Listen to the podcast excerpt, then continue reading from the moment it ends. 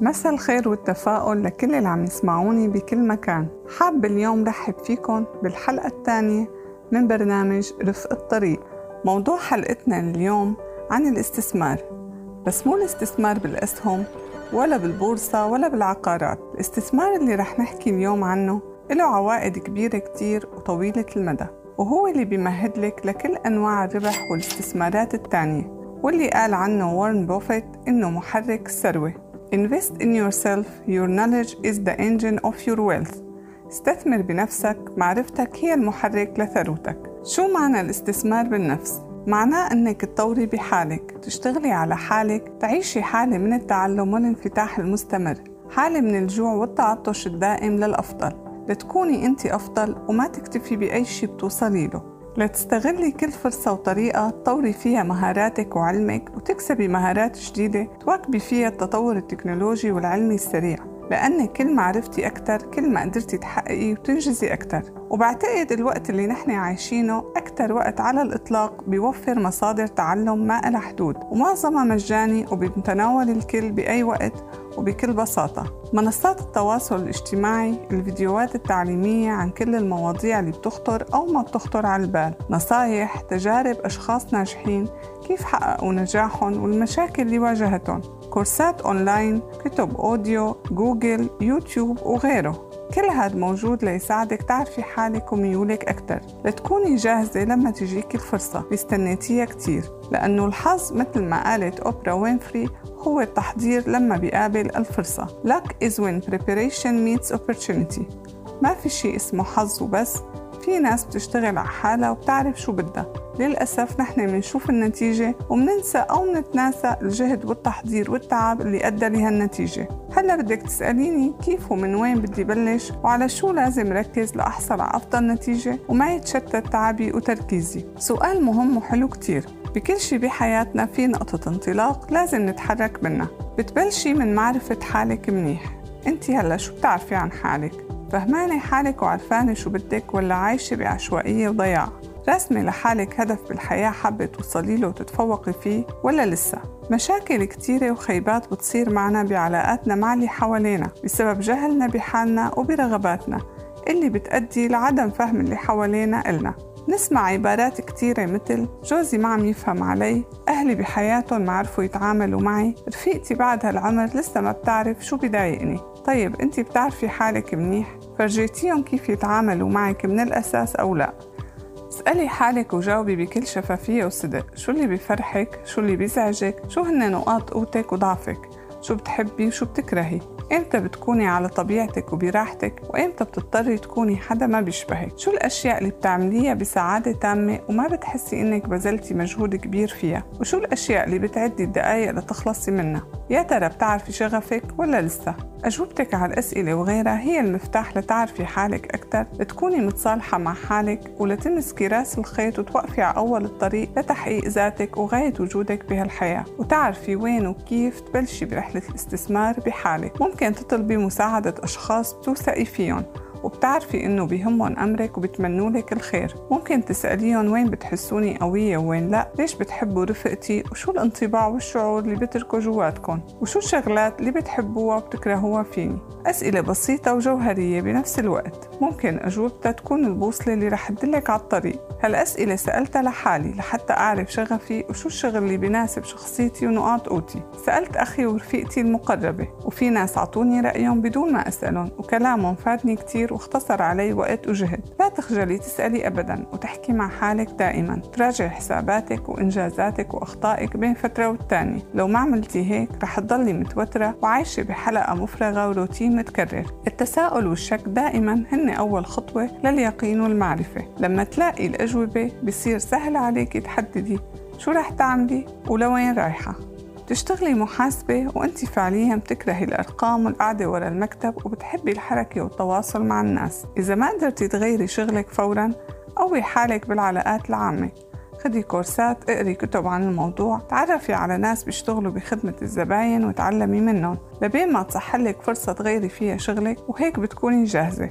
ممكن تقولي لي ما عندي وقت برجع تعبانة من شغلي. طيب من موعد رجعتك على البيت خمسة أو ستة المساء لوقت ما تنامي لو ساعة واحدة أو ساعتين استغلتيهم كل يوم لتطوري حالك أو بأيام العطلة. رح تلاقي فرق بعد شهرين أو ثلاثة أو أربعة. تذكري إنه الوقت اللي بيعمل فرق بحياتك هو الوقت اللي بتقضيه خارج أوقات شغلك الروتيني لأنه هو اللي بيساعدك تنوعي مهاراتك وتحولي شغلك بالتدريج من واجب وهم لطاقة وشغف. اشتغلتي فترة بشركة تأمين وتجوزتي وسافرتي قعدتي بالبيت.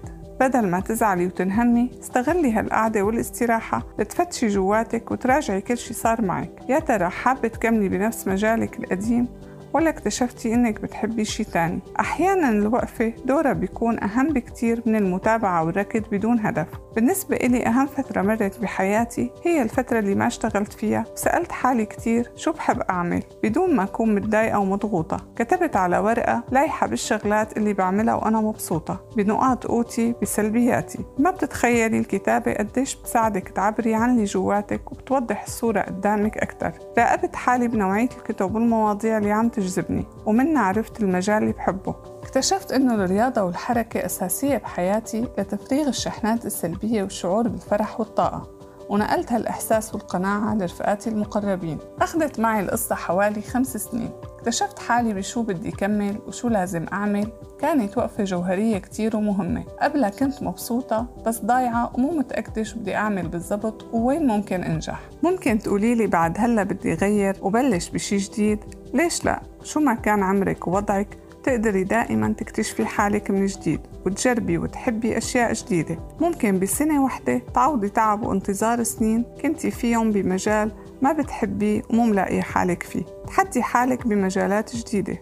جربي بجوز لهاللحظة ما حسيتي إنك بمكانك المناسب وما استخدمتي كل طاقتك ومهاراتك ولسه عندك كتير تعطي بمكان جديد تقدري فيه تساهمي وتنجزي أكثر ودائما لما تلاقي الهدف الكبير بحياتك رح تملكي فورا الطاقة والشجاعة لتطلعي من منطقة راحتك وتغامري أكثر نحن ما خلقنا عن عبث بهالحياة. كل إنسان موجود ليؤدي رسالة ويحقق غاية معينة. لازم يكون هاجسنا الأول إنه نلاقي حالنا ووقتها لحال الظروف والقدر رح يساعدونا نكمل. حلاوة التعلم إنه عملية مستمرة. من أول يوم نخلق فيه لآخر يوم إلنا على الأرض نبعة ما بتخلص من الإثارة والمتعة. كل ما أخذنا منها كل ما اكتشفنا إنه اللي ناقصنا كتير. لا تقبلي بالسكون وبالشي العادي. إذا إنجليزيتك مو قوية سجلي كورسات أو تعلمي أونلاين. تعلمي مع أولادك. لا تضلي حاسة حالك أقل من غيرك وتخجلي لما ما تفهمي حديث اللي قدامك أو ما تعرفي تردي. هلأ إذا مبسوطة ومو فارقة معك هذا الشي بيرجع لك. بس ما تكوني متضايقة من الموضوع وما عم تعملي شي لتحلي أو تزيدي ثقتك بحالك. تشتغلي بالتسويق بشركة شوفي موظفة الاستقبال شو بتشتغل. تعلمي كم شغلة من المحاسب. راقبي مهارات مسؤول المبيعات. وإذا حدا منهم طلب مساعدتك ما تترددي تقدميها. اوعك تقولي مو شغلتي. بتعرفي ليش؟ لأنه بهالوقت الصعب اقتصاديا وماديا بهالوقت اللي كتير ناس عم تخسر أشغالها الإنسان المتعدد المهارات والمبادر والنشيط هو اللي بتتمسك فيه شركته أكتر. وبتفكر كتير قبل ما تستغني عنه لأنه بأوقات الشغل والضغط قادر يساعد وين ما طلبوه وبأوقات الركود وقلة الشغل بحل محل موظفين وثلاثة بالمهارات اللي عنده. ما عم قلك إنه تكوني خبيرة بأكثر من شغلة سوا بالعكس التخصص حلو ومهم. بس وسعي اطلاعك على كل شيء لتتميزي ويصعب الاستغناء عنك. وإذا أجتك فرصة عمل مميزة وما كنتي متأكدة من إمكانياتك فيها منيح اقبلي فيها قولي إيه؟ بعدين تعلمي كيف بدك تشتغلي. وأكيد رح تنجحي. المهم ما تضيعي فرصة ممكن ما تتكرر لأنه ما عندك كل المهارات اللازمة إلها. ممكن تكوني قاعدة بالبيت وعندك موهبة أو مهارة معينة بمجال الطبخ أو الحلويات بالتجميل المكياج ديكورات تصميم أزياء اللي هو. وبتعرفي إنك قادرة تفتحي مشروعك الخاص وإنه في ناس ما عندها نص موهبتك وإمكاناتك بلشت شغلها الخاص ونجحت بس لسه حاسة إنك مانك جاهزة وخايفة تبلشي. معلش بلشي حتى لو ما كنتي جاهزة مية بالمية. تتعلمي من شغلك نفسه وتواصلك مع الناس.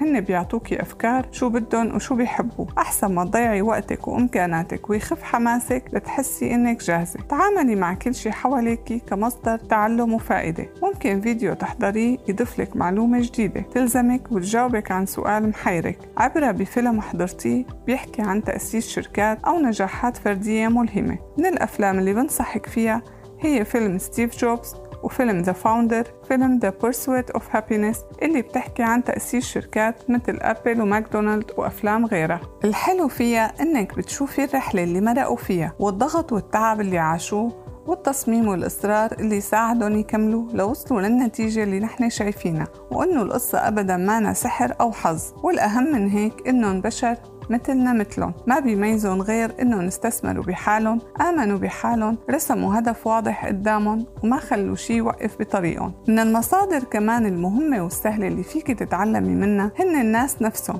مشوار مع group ستات سمعتي فيه قصص وتجارب فتحت لك عيونك على مشاكل وحلول جديدة. نوعي علاقاتك خاصة مع الناس اللي عندها رؤية وخطط وإيمان بحالها وباللي عم تعمله. فترة صعبة مرقتي فيها حاولي تتعلمي منها وتطلعي أقوى وأنضج. كل التجارب المنيحة والسيئة اللي عشتيها صارت معك لتعلمك شي عن حالك وتوسع لك إدراكك ووعيك. كل اللي عليكي إنك تشوفيها من منظور مختلف. بدل ما تندبي حظك وتقولي ليش هيك صار معي وتحطي الحزن بالجرن قولي شو ممكن أتعلم من اللي صار.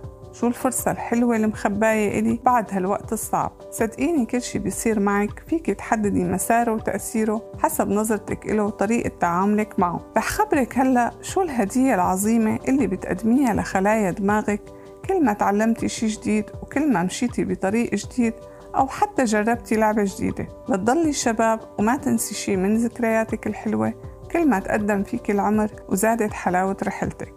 العقل المتعطش للعلم هو عقل حي متجدد مرن محصن من كل أمراض النسيان وأولها الزهايمر. هو عقل شاب ما بيكبر مثل أي عضلة بالجسم إذا استعملناها بتنمو وإذا أهملناها وكانت كسولة بتضمر وبتضعف. والدماغ طول ما عم نشغله ما بيكبر ولا بيشيخ حتى لو كبرنا بالعمر. تعلم لغة جديدة أو مهارة جديدة. عزف على آلة موسيقية. قراءة كتاب ترجمة للغة تانية. الرقص ممارسة الرياضة بانتظام وحتى وجودك ضمن دائرة أصدقاء وعلاقات اجتماعية واسعة. كلها نشاطات بتضيف عمر جديد وعدد أكبر وتشعبات أكثر لخلايا الدماغ العصبية. وفيك تتأكدي من هالحكي وتستمتعي بقراءة كتاب سوبر برين اللي بعتبره من الكتب الملهمة والمفيدة كتير اللي قريتهم بحياتي. بالنتيجة كل شي بتعمليه على الطريق بيساهم بوصولك للمكان اللي بدك إياه واللي خلق كرمالك. أهم شي تكوني راضية وسعيدة بكل المحطات.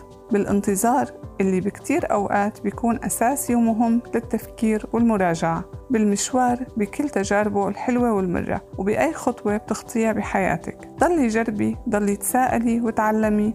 وبادري واغلطي. ولا تقسي على حالك. واستغلي كل شي بتقدم لك هو الدنيا بتختبرك فيه. معرفتك بحالك تعبك لحالك ثقافتك وعيك إيمانك بأنك تستحقي كل الخير والهنا وأنك موجودة لتحققي شي وليعمل وجودك فرق. كل هدول هن مصدر سعادتك الحقيقي اللي انت وحدك مسؤولة عنه ومتحكمة فيه. بالختام بتمنى أن وقتكم معي اليوم كان استثمار ناجح ومفيد وقدرت أقربكم ولو خطوة على طريق تحقيق أهدافكم